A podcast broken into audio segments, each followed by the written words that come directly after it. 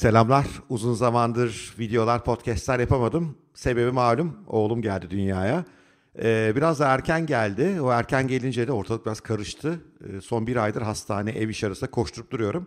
Çok şükür e, hem eşimin hem oğlumun sağlığı yerinde şu anda. Oğlum henüz hastanede. Yakında alacağız inşallah. Biraz daha büyümesi gerekiyor.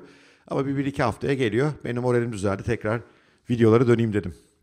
Ee, çok da talep geldi sağ olsun takipçilerimden. Hocam videolar nerede, podcastler nerede kaldı? Ben de biraz sorumlu hissettim kendimi. Bugün artık ilk videoyla karşınızdayım. Bugünkü videomuzun konusu yapay zeka ve Türkiye'nin yapay zekaya yaklaşımı. Ee, yapay zeka e, tıpkı matbaanın yaptığı gibi toplumlar üzerinde, milletler üzerinde, e, vatandaşlar ve şirketler üzerinde çok büyük, radikal etkileri olabilecek bir teknoloji. Önce bunun üzerine anlaşalım. Yapay zeka konusunda kuvvetli olan ülkenin yapay zeka konusundaki kuvvetsiz ülkeyi yenmesi gayet e, normal. Aynı şey şirketler için geçerli, aynı şey bireyler için geçerli.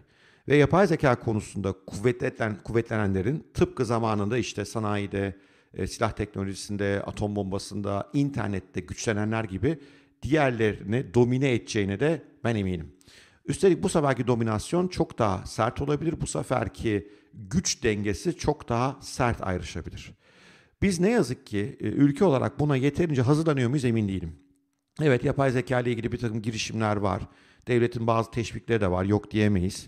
Hani böyle e, İbrahim Müteferrika'nın matbaayı Osmanlı'ya getirdiği 270 yıl değil mi yanılmıyorsam 1450'de e, Gutenberg keşfediyor. Müteferrika'nın getirmesi e, 1720'yi buluyor. Arada gerçi İstanbul'da yaşayan Rum vatandaşlar, Ermeniler, Yahudiler daha erken getiriyorlar ama Türklerin matbaaya kavuşması 270 yıllık bir farka sebep oluyor. Ee, eğer e, bu yapay zekada da böyle bir zaman farkı, böyle bir e, aranın açılması izin verirsek bu sefer gerçekten telafi edemeyeceğimiz e, kayıplar yaşıyor olabiliriz. E, neden? Matbaa benim gözümde yapılmış en büyük icatlardan bir tanesi. E, çünkü matbaa öncesi Avrupa'da e, bilgi e, son derece kısıtlı ellerde, e, sınırlanmış durumda. İşte manastırlarda, kiliselerde, zenginleri ve ellerin kütüphanelerinde, belki de bazı devlet e, organlarında. E, geri kalan halk bu bilgiye bir türlü ulaşamıyor. E, matbaa bu bilginin ulaşımı kolaylaştırıyor çünkü kitaplar ucuzluyor yeni baskı teknikleri sayesinde. E, bu da birkaç e, yeniliğin büyük değişim önünü açıyor. Bir tanesi işte Ortaçağ Avrupa'sının o e, ağır e, dini baskıları azalmaya başlıyor. Çünkü insanlar din kitaplarını okuyunca içine anlatılanların pek de doğru olmadığını görmeye başlıyorlar ve buradan aydınlanma çıkıyor. İkincisi e, bu kitapları okuyan insanlar yeni bilimler üretiyorlar.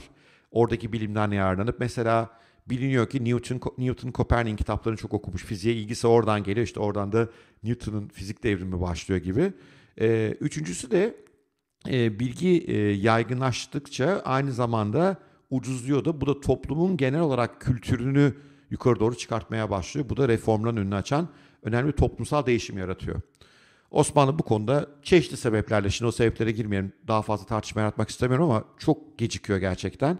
Ve 270 yıl fark yiyor. Bu 270 yılda Avrupa önce işte bu e, aydınlanma devrinin getirdiği teknolojiler sayesinde e, Amerika'yı keşfediyor. Oralara doğru e, şeyler başlıyor. Oranın kaynaklarına el konuyor. Hani bunu çok tasvip ettiğinden değil ama sonuca bakmak lazım. E, sonra dönüyor işte endüstri devrimi, sanayi devrimini gerçekleştiriyor. Ve oradan da ara gittikçe açılıyor. Bu nihayetinde Osmanlı'nın yıkılışına sebep oluyor.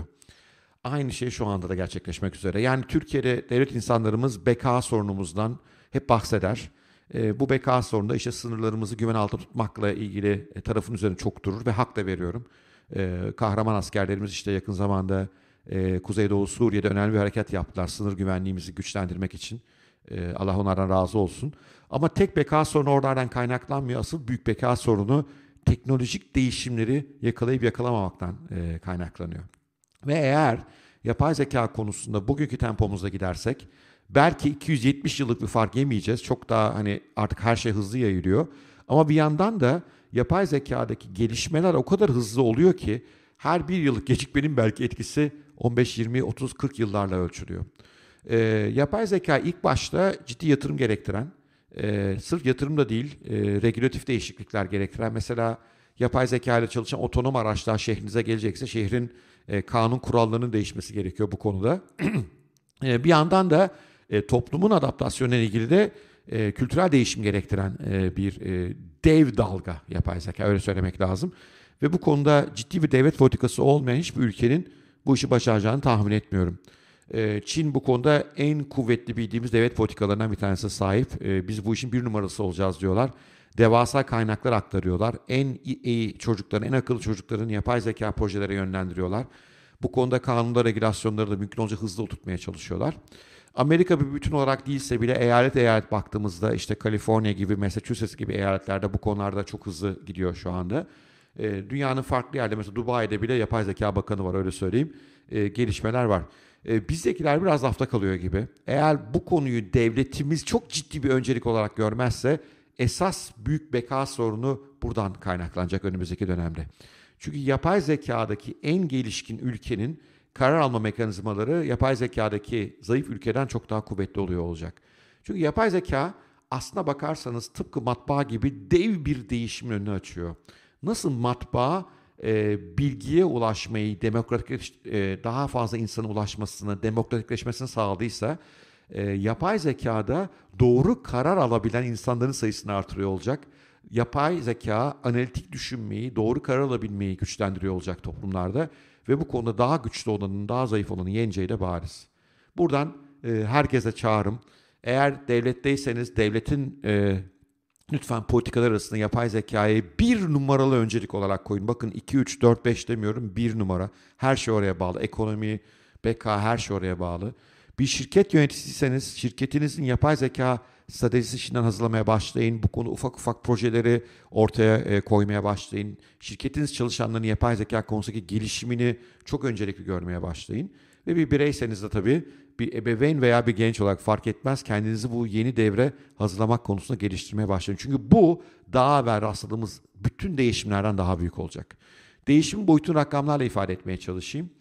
Ee, PC devriminin yarattığı işte Microsoft gibi e, şirketlerin toplam değeri 4 trilyon dolar civarında. İnternet devriminin yarattığı Amazon, Facebook, Google gibi şirketlerin yaratabildiği piyasa değeri 10 trilyon dolar civarında.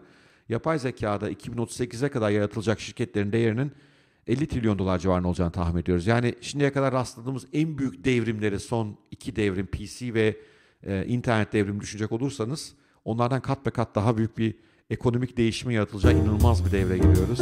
Lütfen buna hep beraber hazırlanıp olalım. Lütfen e, bir İbrahim Mütteferika gibi kahramanın çıkmasını beklemeyelim. Herkes kendi bölgesinin kahramanı olsun. Evet. Bugünkü videomda bu kadar. Umarım hoşunuza gitmiştir. E, yakında yine görüşüyor olacağız. Sevgiler, hoşçakalın, bay bay.